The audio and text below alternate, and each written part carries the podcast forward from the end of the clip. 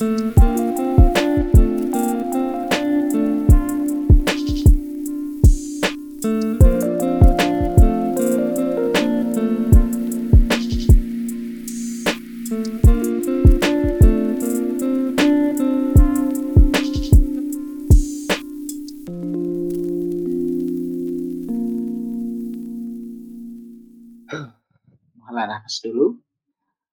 Hello, hello Manchester United fans. Welcome to Bidan Talk. I'm your Welcome, host for welcome. today. I am Danang and And I'm Bobby. We are from Bidan Talk. Oke, Mas welcome, Danang. welcome, welcome. Oke, hari ini kita akan bahas apa, Mas Bobby? Kita bakal eh, marah-marah ya ini, mau ngeran. Betul Perlu sekali. Jadi marah-marah kita Ini coba ini perlu marah-marah gak kita? Kayaknya perlu ya. perlu perlu disclaimer dulu. Disclaimer Disclaimer. dulu. Mungkin mungkin banyak akan banyak umpatan, kata-kata kotor atau apa pun apa pun itu. Jadi ya disclaimer dulu awal-awal dulu. Jadi uh, Iya. get ready lah ya buat nanti. Jadi Bagi kali ini kita ya ka- karena kita Bagi udah habis ikut marah, silakan join. boleh ini. boleh. Jadi jadi karena udah selesai uh, hari Ramadan, nggak apa-apa lah ya kita marah-marah. Ya nggak apa-apa. Sebenarnya udah marahnya udah dari Ramadan ya, udah dari dulu. Betul betul. Jadi uh, hari ini kita akan ngeran tentang Manchester United. Kita bahas tentang uh, season uh, musim salah satu musim Iya. terburuknya Manchester United di 2021-2022. Jadi ya intinya kali ini kita isinya cuma ngeran lah gitu intinya. Iya bener banget.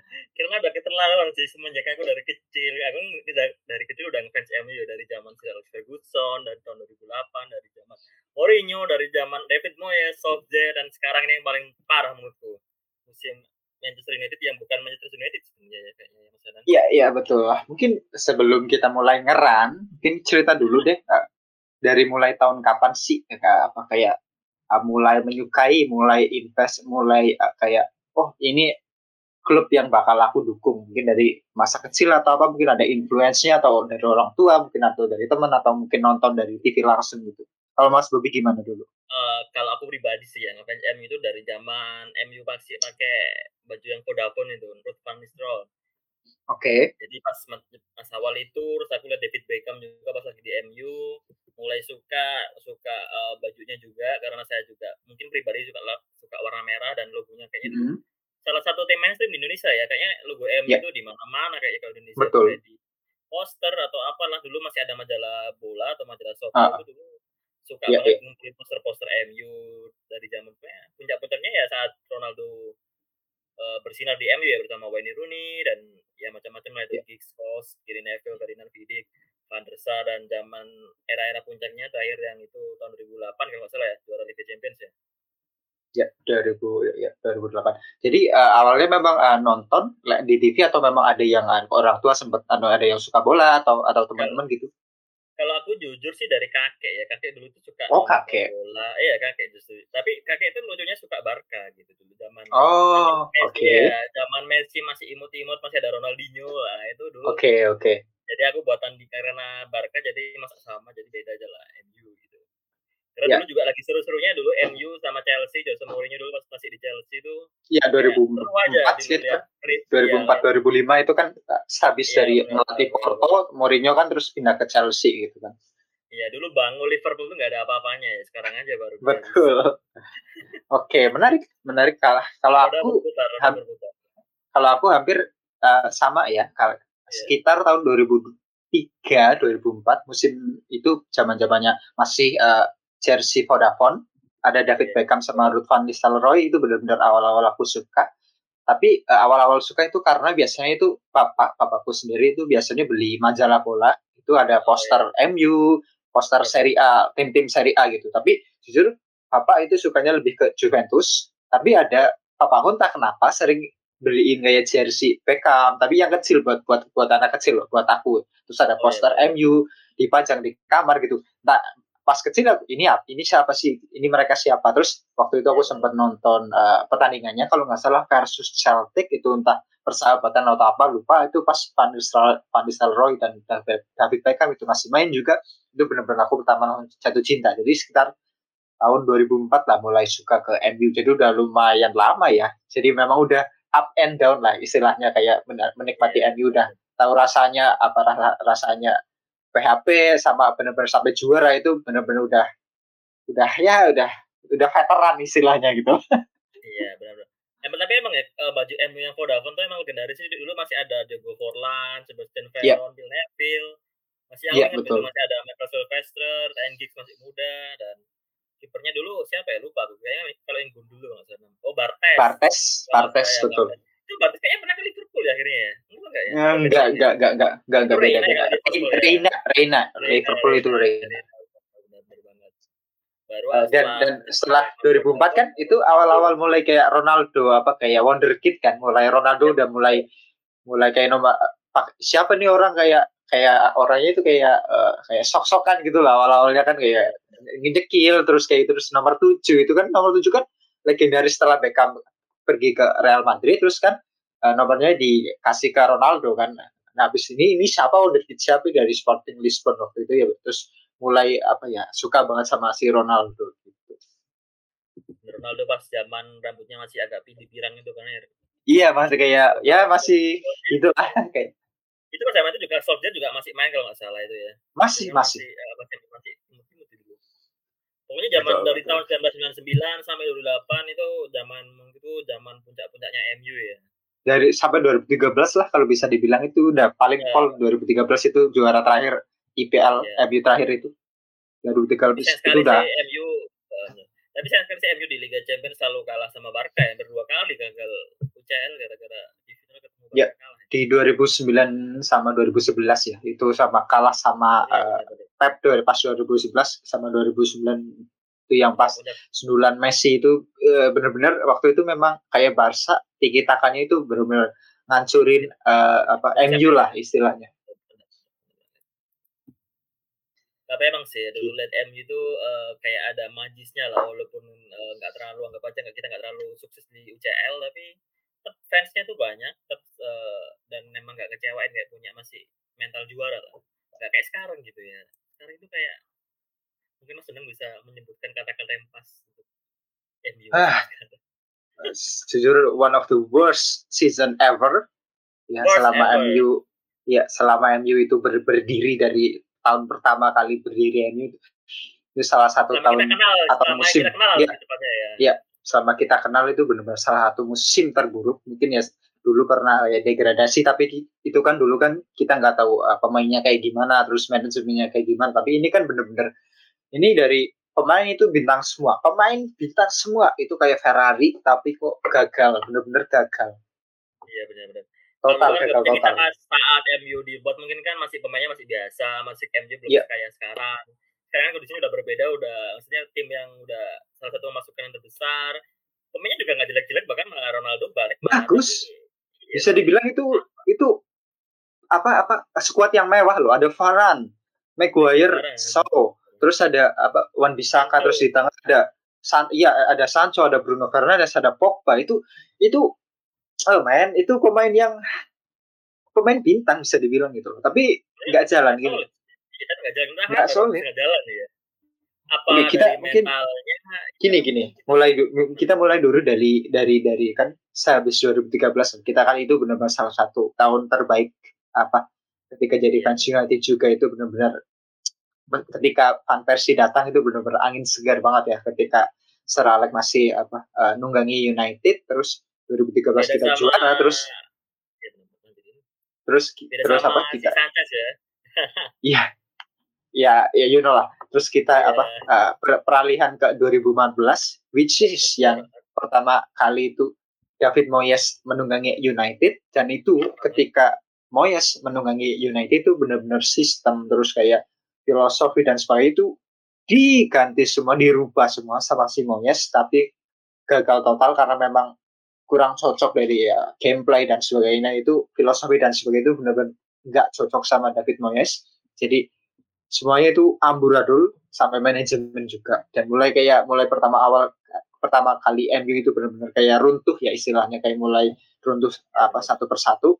Jadi mulai kayak Glazer mulainya apa Glazer udah apa pegang United jadi apa pemilik United itu benar-benar MU udah nggak di jalan yang benar gitu ininya udah kayak belok-belok udah nggak jelas mau ke mana. Ini ininya karena memang ya, kayak pemiliknya itu kan pemilik Amerika jadi mereka lebih fokusnya itu kayak branding atau lebih jualan.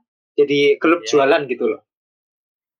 Karena uh, apa ya M itu kan kadang suka suka kecewanya tuh di bagian market transfer ya. Kadang-kadang kita tuh membeli pemain mahal tapi dijualnya juga murah gitu kayak nggak laku di pasaran gitu ya. Ya ya. Jadi kayak merusak jadi, CV aja gitu datang ke M. Iya iya iya. Terus anu apa nanti kita bahas soal uh, scouting atau apa pembelian ya. Jadi okay. setelah David Moyes kan langsung ya kita peringkat 7 atau 8 lupa ketika IPL pas pas David Moyes terus kita ganti ke Luis van Hal ya. Luis van Hal itu iya. juga hancur. Kenapa hancur? Ya, oke okay, kita sempat uh, angkat piala FA angkat piala FA tapi ya you know lah permainannya itu one of the worst. Kayak boring banget ketika kayak nggak ada semangat nggak ada pokoknya cuma apa main belakang di belakang loh. iya kayak entertain gitu ya cuma main belakang oper belakang gitu iya betul. gak, beda sama ibu zaman dulu kayak nyerang dari Wayne Rooney atau nyerang dari Ruud van Nistelrooy benar-benar kayak tek tek tek gitu ya kayak nyerang nyerang memang nyerang, kalau iya benar benar. kayak bermain bola belakang umpan umpan umpan ke belakang lagi iya. gitu. Kayak, kayak, kayak jadi ketika ketika Ferguson itu lebih atraktif meskipun nggak ada filosofi yang pakem ya kayak misalkan kayak yeah. Iya. pressing atau apa uh, apa uh, ya intinya yang kayak Pep sekarang kayak modern football atau kita kan nggak ada. MU itu nggak ada nggak ada filosofi dari dulu pas uh, Sir Alex apa nunggangi United. Tapi kan kita punya fighting spirit kita punya atraktif football gitu loh. Kayak kita kayak nonton MU itu kayak kayak entertainment dapat terus kesenangan juga dapat gitu loh. Kayak ada sesuatu yang magis gitu loh kayak nonton kalau dulu Barcelona pas zaman zaman tiki-tikanya Pep itu ya luar biasa kalau lihat. Maksudnya menyenangkan kalau melihat itu. Jadi kita nggak sekedar menang aja tapi lihatnya itu berkesan. Gitu. Iya, berkesan betul betul. Kayak kita dapat sesuatu gitu, kita dapat entertainment, kita dapat kesan yang bagus. Kayak wah menarik banget ya ini kayak ya, Rooney apa kerja keras, Ronaldo itu keren banget, terus dan sebagainya itu semuanya itu punya part masing-masing gitu, punya uh, andil masing-masing gitu.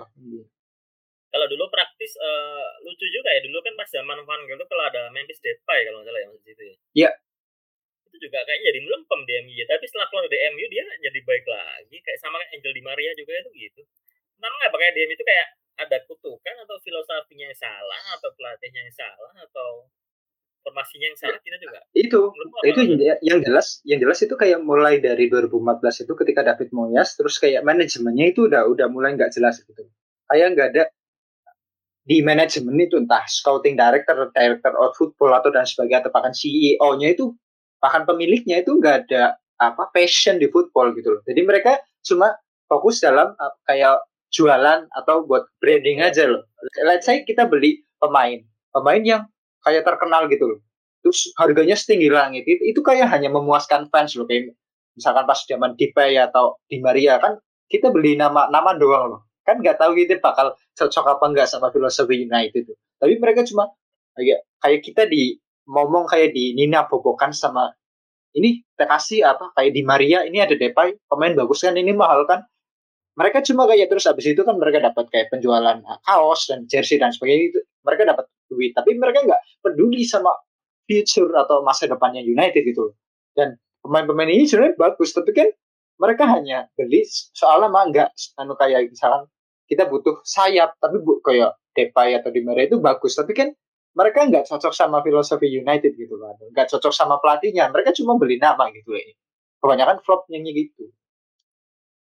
Benar uh, kalau ngomong Manchester United tapi masih mending lah ya dari zaman David Moyes David Moyes sebenarnya ya hancur juga tapi ketika uh, Luis van Gaal itu uh, udah mendingan tapi tetap ya peringkat 45 gitu lah ya. Masih lima besar ya, tapi kan boring banget lah ya.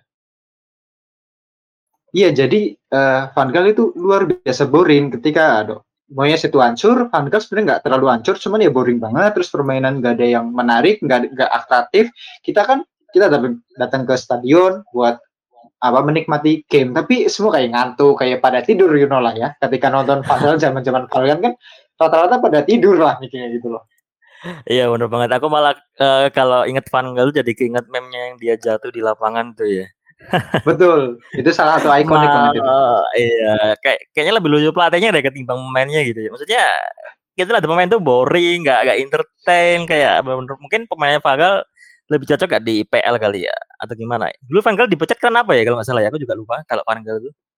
Ya ya ya, ujung-ujungnya karena memang uh, ya, ya you know lah kayak peringkat apa uh, peringkatnya nggak terlalu bagus di IPL nggak ada benar, benar, apa, perubahan nggak ada kayak ya nggak ada perubahan yang signifikan istilahnya. Terus habis padahal kalau nggak salah kicks terus Mourinho gitu kalau nggak salah ya. Sempat kicks kan jadi berapa anu menunggangi berapa pertandingan terus kita pindah ke Mourinho.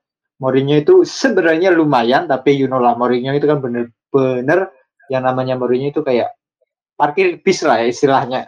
Sama aja kita nggak ada ya filosofi yang pakem yang football yang atraktif gitu loh bener-bener ya kalau udah unggul satu kosong parkir bis. Unggul satu kosong parkir bis gitu loh. Kayak nggak ada sesuatu yang jelas gitu. Meskipun Mourinho bisa uh, nganter juara ke uh, UEL ya UEFA Europa League sama uh, peringkat dua di IPL gitu loh. Tapi ya walaupun dirimu tadi ngomong Mourinho gitu, tapi dia pelatih setelah uh, Sir Alex yang menyumbangkan piala paling banyak justru malah. Satu Europa League, satu League Cup, dan satu competition walaupun permainannya membosankan ya. Tapi setidaknya yeah, yeah. dia membawa trofi lah. Tapi entah mengapa dia kayaknya lebih uh, sebenarnya dia kan uh, awalnya nggak diniat untuk dipecat kan, tapi karena skandal bukan skandal itu karena konflik di internal terutama saat kayaknya puncaknya itu after Piala Dunia itu ya kayaknya pas dengan Paul Pogba dan pemain-pemain lainnya jadi kayaknya malah lebih ngorbanin si Jose Mourinho ketimbang pemain-pemain dari Manchester United yeah. tersebut. Iya iya. Jadi uh, Mourinho memang kayak benar kayak salah satu apa pelatih yang bisa uh, nganter uh, MU apa juara lah ya benar. Tapi tetap aja, you know kalau kita dapat piala apalagi IPL IPL kan maraton ya bukan kayak turnamen kayak Liga Champion atau apa kayak Europa League gitu loh kalau maraton kan kita butuh konsistensi, kita butuh permainan yang atraktif, kita butuh permainan yang benar-benar ya, ya apa uh, pressing forward atau apa itu namanya yang benar-benar kita butuh menang, kita butuh konsisten istilahnya. Tapi kalau Mourinho itu enggak, you know lah ya, permainannya enggak enggak enggak bisa dibilang kalau buat maraton satu liga atau di kompetisi itu kurang bagus gitu kalau Mourinho kayak dari dari permainan ya. Tapi kalau memang dari hasil yang namanya Mourinho itu salah satu pelatih paling eh, tersukses di dunia nyatanya ya dari ya, beberapa tim kan bisa juara Liga Champions dan sebagainya terus ya MU juga dapat juara Europa League tapi you know lah permainan terus dari sifatnya Mourinho yang luar biasa keras banyak konflik sama pemain gitu jadi nggak sehat banget kayak uh, ruang ganti nggak sehat man sama manajemen juga ada konflik dan dan sebagainya itu jujurnya memang nggak bagus buat United juga gitu loh jadi memang ya memang pisah ya memang ya suatu ya apa keputusan yang, yang terbaik gitu bagus ya. gitu Iya, iya. Iya, terbaik benar-benar. Karena dulu uh, praktis di zaman Mourinho uh, sebenarnya pemain bintang juga nggak terlalu banyak sih ada tapi uh, ada Depay kalau Depay saya ada nggak sih? Terus ada Lukaku juga, lalu ada Fred yang sampai sekarang. Dan mungkin uh, menurutku konfliknya itu saat Pogba itu sih. Kemarin kan Pogba pas zaman Mourinho itu kan mau keluar ya kalau nggak salah ya atau apa itu Ya, jadi iya jadi, sama sama sama show juga look, look show itu juga ada konflik juga. Jadi di, pas pas Mourinho itu Depay udah keluar, gantinya itu Sanchez lah salah satu trade paling terburuk Wah, lah ya iya. sepanjang masa itu benar-benar. Itu ah, apa sih itu Sanchez nggak ada nggak ada kontribusinya sama sekali. Terus ada Ibrahimovic terus ada Pogba. Sebenarnya itu musim pertama Mourinho itu bagus banget bisa juara dua di belakang City gitu loh. Tapi kan tetap aja kita ya permainan itu nggak kurang kurang atraktif kurang bagus kurang kurang apa kurang menggugah gitu istilahnya. Terus ada juga iya, apa uh, Lukaku bener ada Lukaku setelah Ibrahimovic keluar terus ada Lukaku terus ya habis itu kan benar-benar ya benar-benar banyak konflik terus kurang sehat juga buat manajemen akhirnya kan kita pindah ke Solskjaer itu benar-benar ketika Mourinho udah pindah itu kayak punya kayak angin segar, punya energi angin baru. Segar, itu, benar, Pak. Itu berapa kali ya, berapa hampir 30 match away unbeaten kan itu ketika oleh menunggangi United pertama awal-awal. Ketika banget. kita dapat Bruno Fernandes itu pertama awal, awal itu benar-benar itu udah kayak pemberian Tuhan gitu loh. kayak kita anggap kayak the next CR lah ya. Iya, sama-sama kayak sama-sama dari Sporting Lisbon dan sama-sama orang Portugal. Betul, betul. Dan iya, kayak betul, penyelamat gitu di saat di saat pemain lain ngelawak dia sendiri menyelamatkan gitu. Iya, ketika ditinggal uh, Mourinho terus kita di anu sama Oleh kan menang-menang konsisten. Terus kayak permainan juga lum ya nggak ada filosofi filosofi yang pakem tapi kan permainan itu bagus loh. Atraktif. Mereka semangat mereka punya energi mina mereka punya fighting spirit itu luar biasa menurutku. Tapi ya tetap aja Oleh ya apa uh, nggak nggak ada filosofi yang anu apa uh, yang pakem. Tapi yang namanya Oleh itu benar-benar free roll gitu. Istilahnya membebaskan pemain itu benar-benar buat apa mengembangkan permainan atau dan sebagainya. Tapi ya oleh kurang memang kurang keras ya sama manajemen. Tetap aja tetap aja memang ujung-ujungnya pak ya masalah internal terus masalah inilah ketika oleh dipecat juga kan. Sebenarnya aku suka sama oleh tapi ya oleh kurang vokal ya kalau masalah soal apa pem, pem, sama pemainnya gitu loh. Karena memang oleh terlalu memanjakan pemainnya gitu loh. Jadi kan you know lah sampai sekarang pemainnya jadi kayak terbiasa, gak ada mental, gak ada fighting spirit dan sebagainya itu loh. Iya bener banget. Uh, tapi sayangnya Ole ini hampir tiga tahun ya, tiga tahun nggak sih? Iya, 2018 kan? Iya, hampir hampir tiga tahun betul. Itu sayangnya dari 323 games kalau nggak salah aku baca ini enggak sih sekitar ya sekitar segitulah 300 game itu nggak pernah dapat satu trofi pun tapi sayangnya ya. Itu karena olehnya sendiri atau pemainnya kira-kira menurut Mas Danang? Ah, ah itu hampir eh, berapa kali kita masuk final ya? Selalu jadi iya, runner up ya itu ya benar-benar runner up a, shame gitu loh. Itu benar-benar jadi kayak menyakitkan apa, gitu ya. Iya menyakitkan banget kayak final Europa League terus ada final beberapa final yang lain gitu. Eh, nggak uh, bisa salahin oleh juga tapi memang ketika oleh ya memang nggak bisa juga dibilang miskin taktik juga enggak tapi karena memang menurutku karena pemainnya itu nggak ada mental juara gitu lah istilahnya. Menurutku iya, tetap balik lagi ke mental mental para pemain sih. Ketika kayak when it need the most ketika dibutuhkan benar-benar waktunya yang ini krusial banget mereka itu nggak deliver. Mereka nggak bisa menunjukkan mental mereka gitu di saat yang penting malah uh, iya. ngelawak. Kadang-kadang di saat gak penting juga ngelawak sih pas zaman Uli iya. Kayaknya kekurangan Uli itu mungkin kurang kurang dapat itu sih aura sebagai pelatih udah aura yang ditakuti. Beda sama zaman iya. Sir Alex kan dia orangnya uh, walaupun nggak terlalu keras tapi dia saat-saat tertentu dia bisa keras sama pemain gitu. Iya jadi kayak bahkan ya. banyak bahkan banyak cerita dari pemain Manchester United sendiri saat dulu dilatih Sir Alex juga. Kalau ya, salah Sir Alex itu maksud Iya benar-benar. Dulu sampai sebutannya apa sih kalau Sir Alex memarahi pemain tuh? Kayak kayak ada yang apa uh, ibu kayak kalau kalau ada yang pemain yang flop terus berapa beberapa match itu enggak nggak perform itu langsung dicadangin atau apa terus ada beberapa istilah-istilah lah ya, ini aku aku aku lupa namanya intinya itu nggak nggak segan-segan itu kayak memarahin pemain gitu loh kayak ya uh, kayak ketika Beckham pernah ditampar sama pakai sandal atau apa itu lu aduh yeah, pakai sepatu apa lupa aku dilempar sepatu itu lupa terus ada beberapa yang yap stam terus zaman-zaman itu kayak uh, apa uh, sempat ngomongin seralek langsung habis itu dibuang pemainnya itu benar-benar luar biasa keras gitu loh. Tapi kalau oleh itu oleh benar-benar lovable person gitu loh. Kayak mereka kayak oleh terlalu memanjakan playernya gitu loh istilahnya. Mereka ya, kayak kayak temen jadi loh kayak rasanya itu kayak temen oleh anu pemain itu memandang uh, pelatihnya itu kayak temen aja kayak enggak mereka kurang respect gitu loh kurang respect sama olehnya menurutku gitu. Kalau Sir Alex itu lebih tepatnya bukan keras sih, lebih tepatnya tegas. Jadi saat tegas, betul. pemain uh, pemain tuh tidak sesuai performanya atau tidak sesuai harganya itu pasti kena semprot itu. Enggak enggak memandang bahkan sekelas Beckham pun, sekelas iya. siapa pun lah. Itu kan awal Beckham keluar dari United kan juga awalnya apa tidak serak dengan Sir Alex juga kan itu? Konflik betul, juga betul. kan? Konflik juga. Lah, lah itu itu yang dibutuhkan United gitu. Leader gitu. Oleh itu kurang cocok jadi leader. Mungkin jadi pelatih oke okay, tapi ya terlalu terlalu manja terlalu lembek. Ya oleh luar biasa baik lah you know lah. Kayak orangnya itu kayak kayak humble banget lah ya. Jadi ya ya you know lah.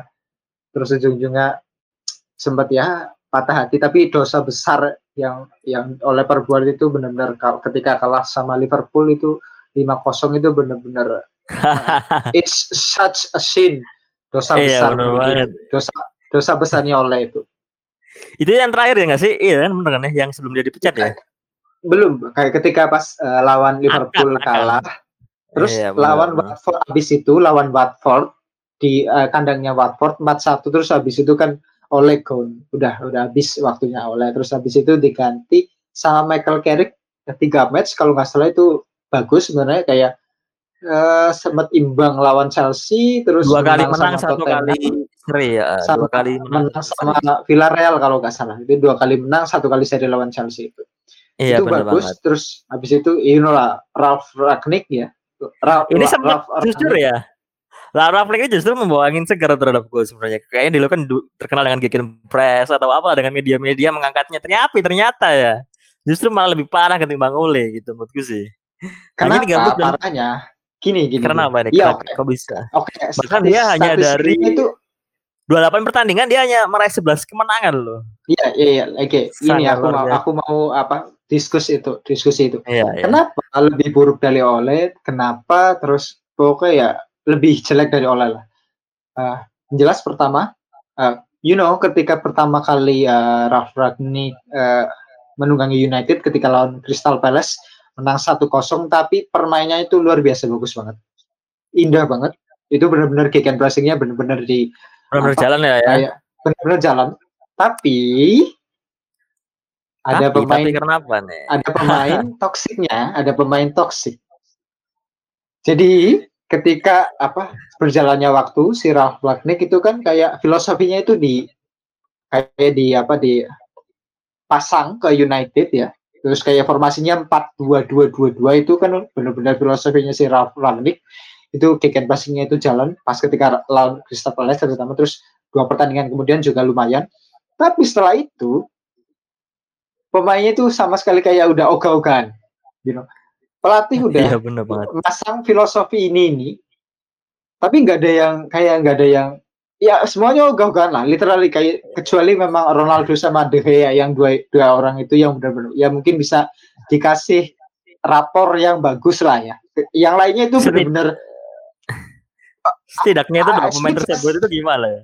Speechless ya. Jadi ini Iya. kelihatan dari dulu Solskjaer itu gak terlalu salah jadinya pada akhirnya ya. Emang pemainnya terlalu manja atau gimana pada iya akhirnya ya? salah salahnya di Ole itu itu memanjakan pemain jadi Memanjakan, kayak jadi kebiasaan ada dimanja jadi Iya, jadi dikasih iya. dikeras dikasih keras jadi justru malah melempem gitu jadi nggak Iya, itu masalahnya itu bro. Jadi ketika Oleh memanjakan pemainnya, otomatis ketika kan udah kayak biasa makan stick ya, kayak udah let's say kayak kita kasih Nah. perumpamaan kita Iya. kita di Oleh ketika Oleh kita udah biasa makan stick udah udah dibebasin lu mau makan aja terserah.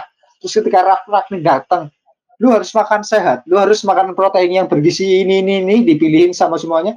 Lama-lama kan jelek loh. Terus aku udah biasa bebas, aku udah biasa bebas main, aku udah biasa bebas pakai formasi apa, aku udah biasa free roll kita, aku nggak pressing, aku nggak capek lari ke sana ke sini terus sama Rafa Niksub harus pressing, harus lari ke sana ke sini, harus ngejar bola, harus gegen pressing ini itu dan sebagainya. Pemain males terus ketika filosofi ditanam, nggak ada yang, yang mereka ogah-ogahan terus nggak ada yang mau mau lari, you know lah. Ketika nonton pasti tahu lah, pasti paham lah.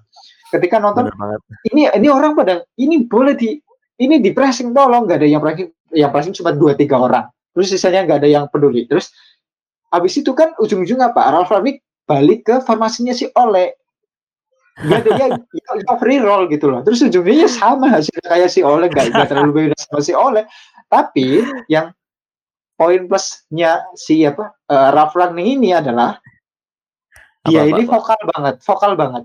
Soal kayak nyindir soal manajemen. Mereka eh, Ralf Ragnick nggak nggak pernah peduli ya kayak, ya mana- manajemennya nggak jelas. Ini ya scoutingnya ini nggak jelas. Ini nggak jelas. Vokal banget ketika ada press press conference gitu loh. Dan hasilnya kelihatan sekarang scouting director terus dan sebagainya itu udah keluar semua loh.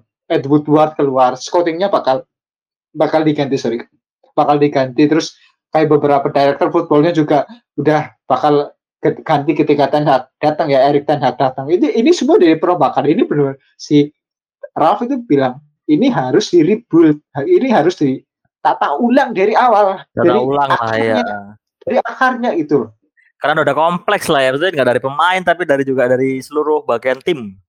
Seluruh manajemen literally gitu. Seluruh, Jadi se, seluruh manajemen. se, se, se, segala penjuru gitu loh. Kayak pemainnya oke udah ogah-ogahan terus Ralph Randi kan bilang kita kayaknya butuh 10 pemain ini harus 10 pemain, beberapa puluhan pemain harus dibuang gitu harus dijual aja kalau kalau nggak Iya, niat benar. buat uh, main buat United gitu loh kan Ralph sampai bilang gitu terus manajemen juga disindir sama si Ralph kayak scouting dan sebagainya scouting masa bisa ketika MU nawar pemain yang tadinya harga 40 juta jadi 90 juta what the fuck man? Fucking hell come on. It's kayak Sancho. Sancho itu harusnya itu ya sekitar 50 juta 60 juta itu maksimal. Jadi 90 juta what the fuck? Wan Bisaka apa Wan Bisaka itu bisa apa? Cuma tackling cuma defending tapi harganya 60 juta bayangkan. Harusnya ya 20 juta udah. Contoh kayak Liverpool bagus itu kalau soal scouting. Terus kayak si City juga ya, memang ya City memang udah punya duit tapi kan tetap aja kayak masalah scouting itu mereka nggak tahu apa-apa soal bola gitu loh kayak mereka branding wah ini Sancho harga 90 juta terus mereka jual apa jersey-nya Sancho terus laris-laris uangnya balik terus kayak kayak si Yang penting cuan lah ya. Iya cuan. Kayak Glazer itu nggak peduli sama future-nya, yang penting kita dapat cuan gitu loh. Terus ada lagi kayak masa eh, no, kayak beberapa minggu terakhir lah ya. Kan season udah selesai lah ya. Terus Udah Apa? tinggal eh, satu pertandingan di saat kita merekod podcast ini ya. iya iya iya iya satu satu pertandingan dan beberapa minggu sebelumnya itu yang lain itu mikirin kayak Liverpool sama City kan lagi perebutan juara. Terus kayak beberapa Arsenal lagi apa perebutan juara 4 sama si Spurs dan MU apa promosi promosi dua pre-season bayangkan tiket pre-season yang lain itu masih mikirin liga mikirin juara anu Ch- Champions Liverpool City mikirin IPL terus Arsenal masih anu spot buat di anu, UEFA Champions League terus MU apa jualan tiket pre-season bayangkan what the fuck ini jadi komersial klub gitu loh intinya gitu loh. Ya sih, mau marah-marah juga terlalu gimana gitu ya. Kayak iya kayak sampai speechless gitu ya. Jadi makanya sampai speechless, sampai speechless aku dari awal memang kayak aku di medsos juga nggak pernah kayak update status bahkan ngeran atau apa, tapi aku pengen ngomong aja, pengen ngelung ngungkapin. Makanya sekali ini di episode spesial ini yang nggak ada hubungannya sama Jepangan pun bodo amat aku kepengen ngeran sama MU intinya ya abis ini lega udah kita apa mandang ke musim selanjutnya kita manage ekspektasi yang artinya perbaiki ekspektasi kalian kita butuh waktu untuk rebuild. Kita percaya sama Ten Hag, kita percaya sama manajemen. Semoga manajemen bisa backup sama si Ten Hag itu, terus kita dapat Iya, bener banget. pemain pemain yang nggak terlalu mahal, tapi kita benar-benar kita scout yang benar, kita dapat pemain yang benar. Terus pelatihnya di backup sama manajemen, pelatih juga bisa fokus sama rebuild tim. Terus kayak manajemen mungkin semoga pemiliknya juga bisa ganti. Glazer itu buang keluar aja, fuck man, fuck that guy. That. Ganti pengusaha Arab aja lah ya MMB itu. Tapi nggak apa, oil oil Arab- oil Armani silakan datang. Bener banget. PSG aja berani nahan Mbappe sampai segitunya ya. Itu Luar gila sih itu. Itu PSG stres itu. Sampai Mbappe Mbappe mau mau apa pun itu bakal di apa di keinginan Mbappe itu bakal dikabulin istilahnya gitu lah. Mau mau jadi director football mau jadi isi ya mungkin ya bakal dijadiin kalau Mbappe kepengen kayak gitu. Itu itu Hmm. udah keterlaluan sih.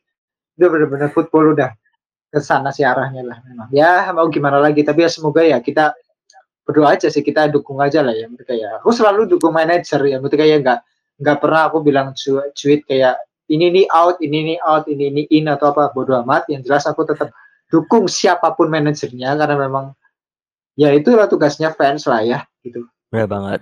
Tapi gimana ya kalau kita udah, udah dukung tapi kok gitu-gitu aja juga rasanya emosi juga pasti ada gitu. ya. Emang nggak nyalain juga sih. Terutama ya kan Ya. Itu sih udah beberapa kali demo fans MU di stadion kan sampai itu.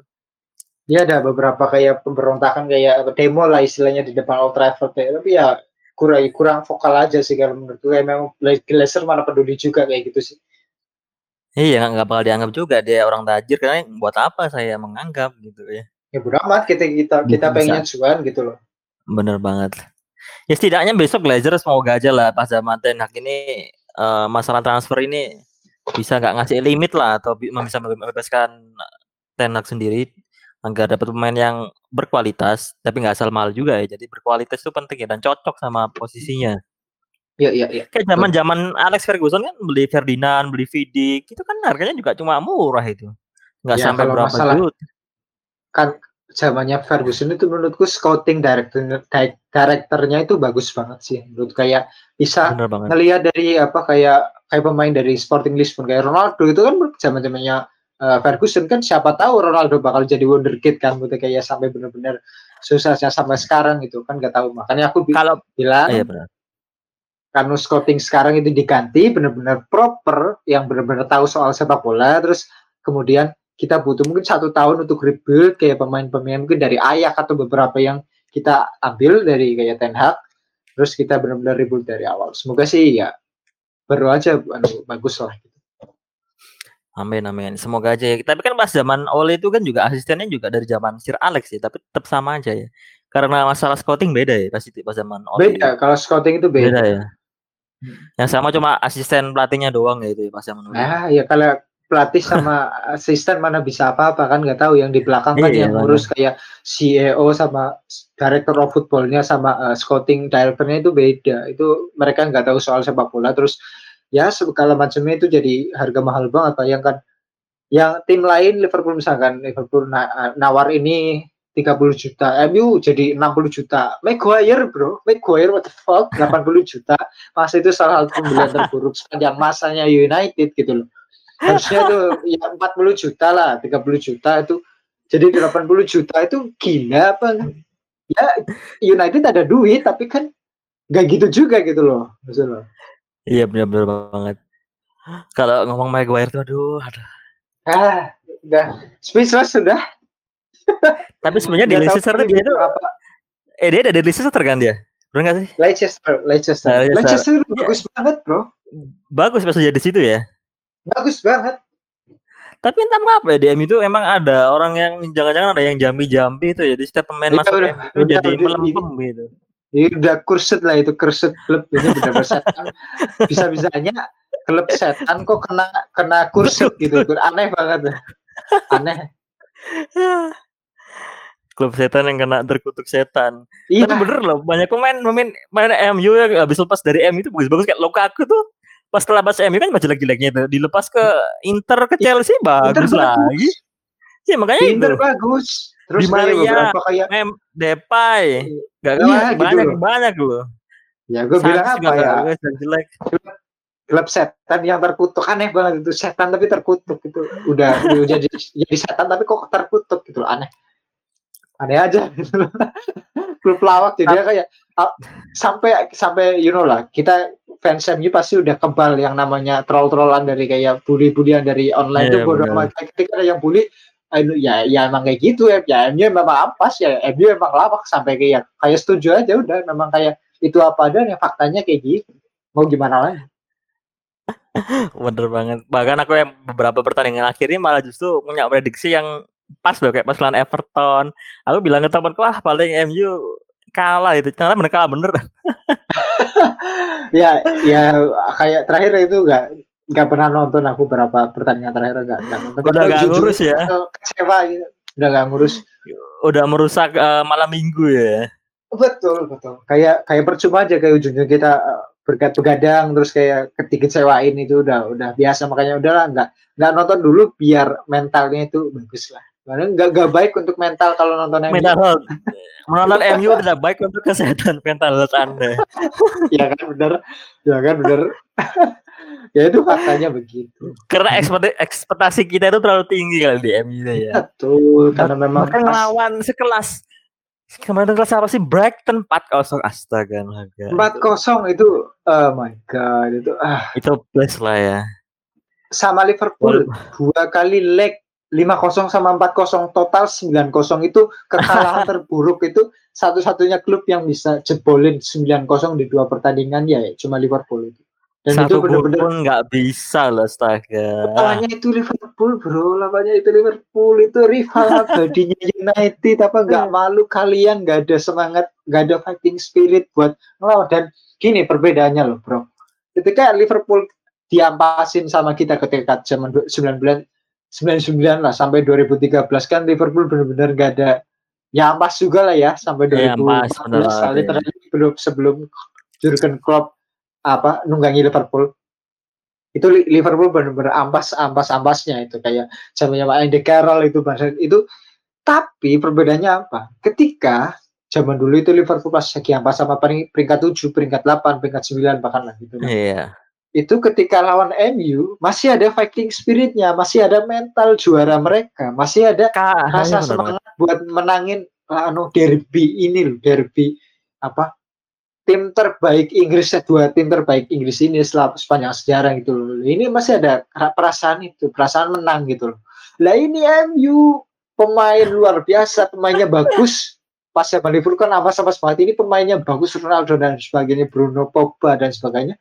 Ketika main lawan Liverpool derby ini yang benar-benar rival abadi nggak ada fighting spiritnya lembek semua ogah-ogahan semua.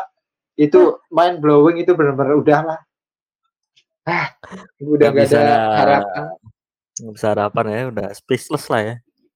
speechless sudah. Ah Udah, udah bisanya mengembangkan nafas Karena udah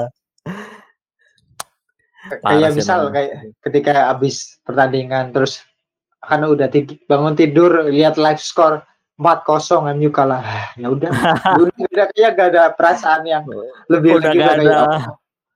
oh, oh gitu oh gitu. perasaan perasaan tertinggi eh, setelah marah itu ya tidak menganggap ya. Iya udah oh udah udah udah bodo amat Udah bodo Oh, amat lah ya. Iya. Udah saking Betul. seringnya dikecewain gitu.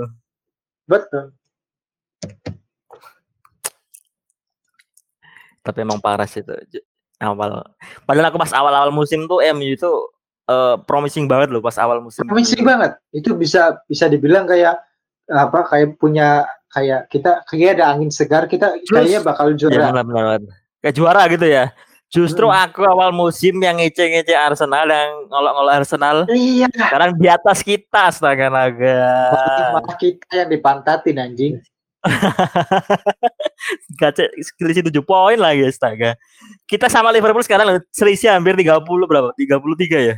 31 poin astaga. Gila apa? insane itu itu 58 poin itu besok sama 10 Crystal Palace oke tahu. lah. Eh, nanti ya nanti nanti kalau di ketika pas kita rekaman itu ya nanti lah Crystal Palace ini Kalau Nanti salah benar-benar luar biasa MU kalau kalah. Mending main kalau di liga West Ham menang kita masuk ke UEFA Conference League bayangkan lebih jelek lebih jelek dari UEFA Europa League Astagfirullah udah agak di ah, Ya di West Ham itu ada siapa sih main MU? Welbeck ya? Eh bukan. Di West Ham itu ada pemain? MU di Lon. Di Ham itu ada kayak eh, Nobel, Mark Nobel, terus ada eh, lupa lah kayak Lanzini terus itu dan sebagainya. Iya benar. kan Tapi kira tujuh. tapi nggak ada pemain MU yang di sana ya, yang di Lon atau di apa gitu. Enggak. Oh Jesse Lingard. Oh enggak, udah udah balik. Enggak, Jesse Lingard kan udah balik. Ya udah balik iya. Tapi dia juga jarang dimainin ya. Yang nggak pernah dimainin sama MU lah. Jesse Lingard mending Anda di West Ham saja. Iya, dari, itu juga toxic itu apa kayak gerombolannya Pogba itu benar-benar toxic semua kayak isinya ngedance. Pogba kan katanya ju- setukan ju- doang, juga mau-. Setidaknya Jesse Lingard sama Pogba itu harus dipisah biar nggak jadi Ya dua-duanya pergi toxic. aja udah lah. iya udah, udah toxic iya lah. Tapi katanya udah mau pergi kan Pogba itu. Iya, Balik ke Juventus udah udah udah kelar kontraknya sih.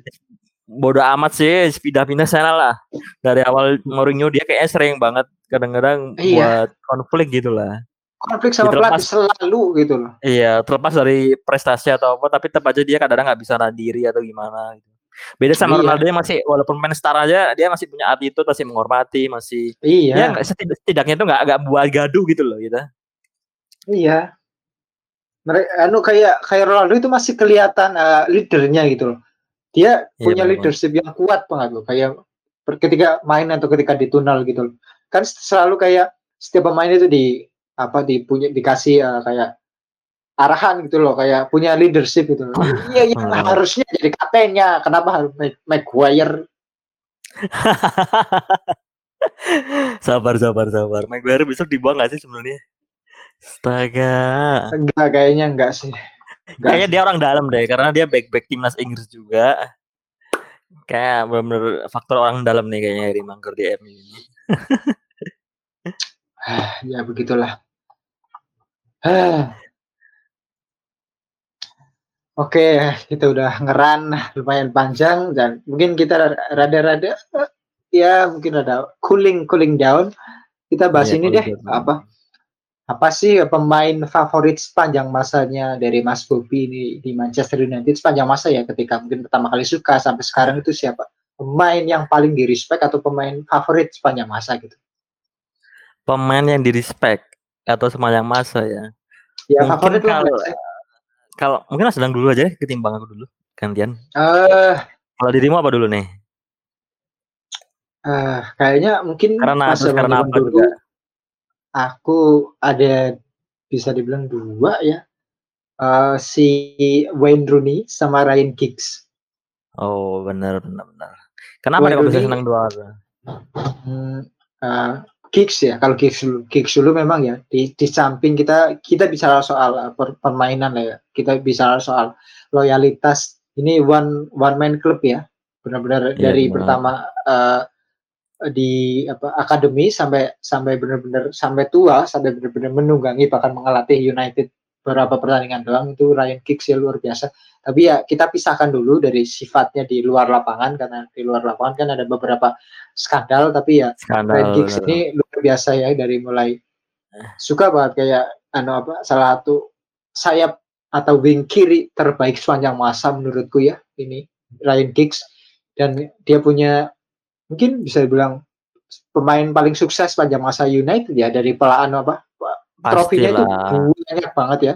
Banyak banget itu dan ya aku suka karena memang wing aku aku dulu- juga dulunya sebenarnya kan pemain wing ya ketika main sepak bola itu kayak sayap kiri aku biasanya seringnya. Jadi aku kayak sering eh, kayak gitulah kayak wah aku posisinya gigs gitu. aku memang karena memang aku suku, dulu suka bermain di wing tuh jadi aku ya mengidolakan gigs dan kalau Wayne Rooney memang entah kenapa ini orang eksplosif luar biasa ketika eh, datang ya wonderkid ya salah satu legend apa di ketika Apalagi saat Rooney masih gundul ya, masih botak gitu ya, masih muda-mudanya. Wah, itu kita kita butuh pemain kayak gitu loh kayak fighting spirit ada terus yang ngamuk-ngamuk gitu. ya.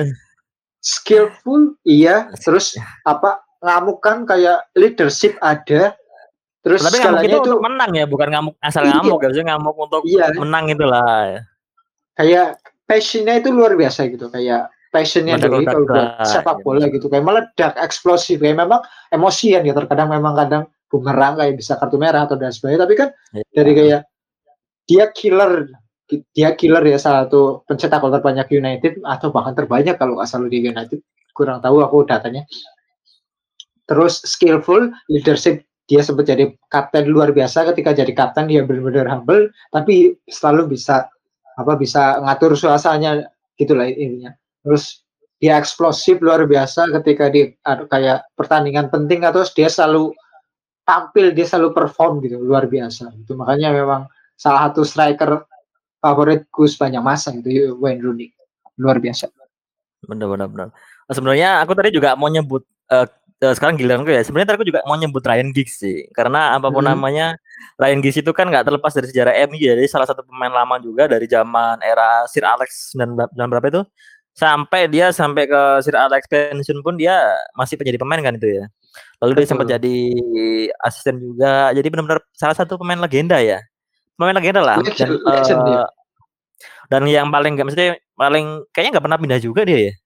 Pernah nggak sih? Kayaknya nggak pernah kan ya? one man club aku bilang one man club One itu man dari club, benar, akademi benar, sampai benar. sampai apa terakhir kali main itu bermain di MU kok dan yang paling nggak aneh-aneh juga dan orangnya paling eh, terlepas pokoknya tentang profesionalnya ya tetap tetap pemain yang paling MU banget lah pokoknya Giggs itu ya mungkin istilahnya ada betul. kayak seangkatan kayak ada masih ada Scholes ada Erik Santona itu kan tapi kan eh, nggak se apa ya kalau Giggs itu kayak benar-benar spesial lah karena paling lama juga paling ya paling MU banget lah Solskjaer aja mungkin nggak se kayak Giggs menurut gua enggak enggak sih kalau kedua ya tetap kalau aku kalau dirimu tadi Wayne Rooney ya mungkin Wayne Rooney bener sih Wayne Rooney juga salah satu pemain striker MU yang terlama juga kan ya. Yang terbanyak siapa sih?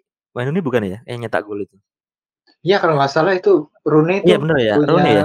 uh, kayaknya Rooney apa gol, uh, pencetak gol terbanyak buat United kalau nggak salah itu Rooney. Udah, oh iya udah Rooney ya benar. Udah dia udah mecahin eh, rekornya Bobby Charlton ya. Rooney udah 253 Iya. 253 gol Iya betul. dalam 559 pertandingan. Sementara cuma dua ada Bobby Charlton ada 249 dan tiga ada Dennis Lau. Benar si Rooney itu memang salah satu striker yang emang harus kita cari ya. Kalau sekarang kita kayaknya belum nemu ya. Iya, kita Striker kita Rooney. butuh player kayak gitu loh, Bang. kayak eksplosif, fighting spirit ada, terus dia killer di depan gawang gitu loh.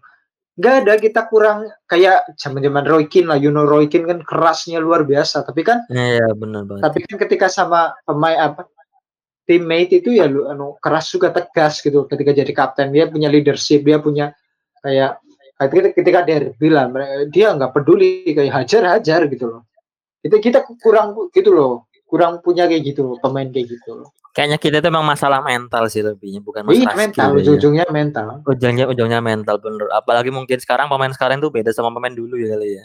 Kalau zaman zaman milenial sekarang ini kayaknya lebih lembek, lebih manja, lebih iya manja gitu kayak lebih ingin Malah- diperhatikan. ini malah malah tiktokan malah tiktokan gitu Iya, dulu sempat Sir Alex kan benci ya sama kayak sosial media gitu. iya sosial media ke- kebetulan ya memang Jadi, dulu nggak terlalu nggak terlalu sosial media sih. tapi kan tetap aja belum kayak tapi tetap, tetap mengganggu gitu kan ya. Sebenarnya sosial media itu nggak nggak salah nggak salah sih. Tetap kalau Nggak bisa eh, bisa mengatur tapi kebanyakan ya ya tetap gara-gara sosial media itu kadang-kadang. Tahu aja kita mungkin pemain-pemain kita eh, mentalnya turun gara-gara dibully di sosial media bisa aja kan gitu. Tapi kalau bro, mentalnya mereka, mereka mereka profesional mereka digaji Dibayar jaket ya. itu luar biasa. Mereka dibayar Jadi- mereka profesional. Ya itu resiko mereka. Tapi kan mereka kayak udah kayak fans malah kan. melempem. Mereka itu literally kayak kayak istilahnya di, dibayar sama fans gitu loh kan. Fans kayak beli merchandise terus kan uang tersebut kan buat gaji para pemain kan. Tapi kan pemain ketika main nggak menunjukkan performanya mereka, nggak menunjukkan kayak fighting spirit mereka gitu, fans ya sedih kan, fans ya bara kecewa gitu loh, nggak ada nggak ada kayak gitu ya. Ujung-ujungnya ya harusnya ya nyadar gitu loh, mereka itu dibayar mahal banget itu masalah scouting lagi, kan masalah director lagi. Penggajinya di United itu tuh gila juga kayak Sanchez, zaman-zaman Sanchez, Pogba, seminggu itu berapa ratus ribu euro itu gila Dan nggak menghasilkan apa-apa loh maksudnya kan. Iya apa nggak ada hasilnya juga. Pogba juga itu apa coba dia? Akhir Iya. musim ini ke mana? Awal-awal kan itu kan ketika anu, ketika tujuh assist dalam pertandingan berapa gitu. Tapi kan habis ini nggak pernah ada assist apa nggak ada nggak pernah ada Iya, kontribusi sama sekali malah. Ya cedera memang sih tapi ya you know lah ada beberapa kayak.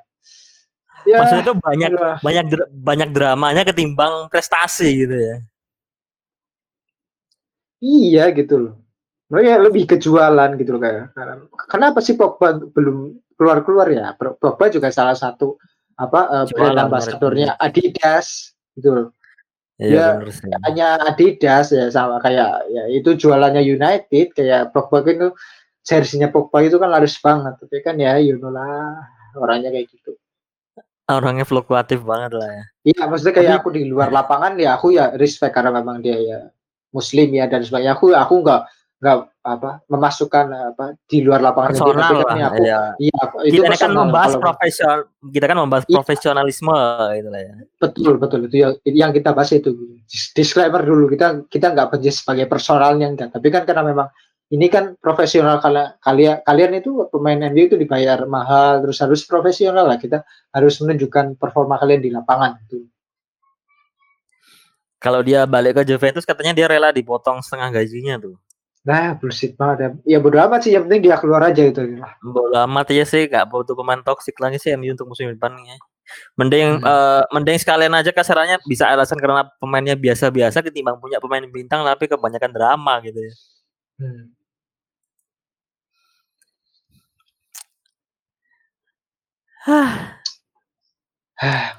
Bahasan yang menarik ini ya Mungkin kalau Mungkin- menurut Mas Danang tahun depan ada nggak ada apa ada harapan nggak sih atau kira-kira minimal hal yang ingin dicapai di United di musim depan? Uh, minimal loh, minimal enggak enggak uh, minimal gitu ya. Gini, uh, mungkin kalau masalah juara atau apa mungkin masih belum gitu lah. Harapanku nggak sampai segitunya. Kayak harus juara ini, harus juara itu enggak. Tapi yang penting kita udah uh, dapat dapat filosofi terus manajemen udah di apa di apa kayak di rebuild manajemen terutama terus kayak pemain juga beberapa datang pemain yang yang benar-benar mau main buat United terus kita rebuild kita udah punya filosofi kita manajemen udah benar. Ya aku menurutku itu itu udah cukup modal buat uh, setahun kemudiannya lagi. Jadi kayak dua tahun lah let's say dua tahun satu tahun besok itu buat rebuild terus satu tahun kemudian ini udah bisa bersaing sama Liverpool sama City bisa bersaing untuk juara itu menurutku udah luar biasa menurutku sih. Sebenarnya uh, board M itu kan juga udah membuat apa ya udah memberi kesempatan kepada Solskjaer ya tapi sayangnya dia malah di tahun pengha penuh pengharapan itu malah dia flop gitu ya. Itulah mungkin salah satu alasan dia dikeluarin dari United mungkin ya. Ya begitulah. atau, atau gimana ya kan? Solskjaer ya, juga udah lumayan, lumayan sabar dia dua tahun tanpa juara. Eh di tahun ketiganya malah tetap sama aja gitu.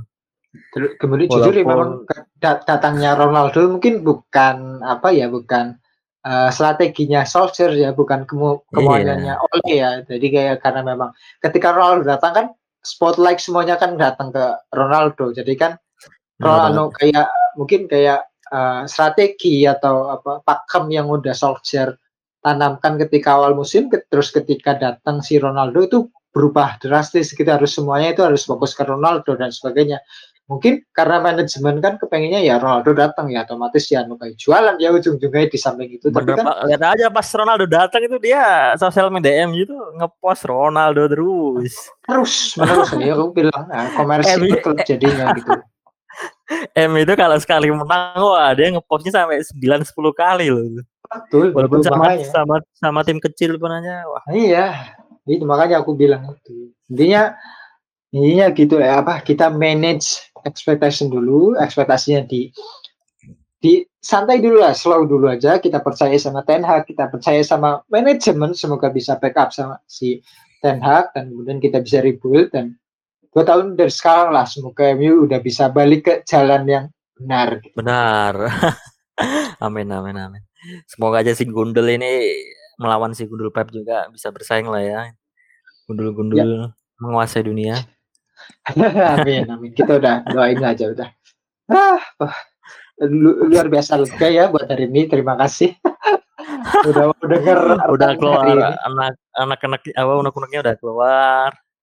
Minimal ya. di akhir musim ini menjadi penutup lah ya. Tidak sempat tidak terulang lagi lah masa depan. Ya intinya semoga sih Liverpool jangan juara ya. Jangan juara IPL jangan juara CL udah gitu aja. Aku pengennya gitu. Dan jangan sampai ini juga kita masuk conference like Iya. Sampai posisi tujuh astaga malah mungkin dibully siu tujuh gitu ya. Uh, siu. Tapi gue sih gak, gak peduli sih gak, gak, meskipun masuk konferensi yang penting musim depannya itu Ten bisa fokus lah biar nggak terlalu mikirin yeah. itulah ininya gitu. Udah uh, mungkin kita akhiri aja lah ya mungkin eh, buat hari ini. Ya kira dulu aja uh, udah hampir satu jam lebih kita menemani. Betul. Bicara ini tentang MU ngeran macam-macam. Makasih udah mau dengerin ya.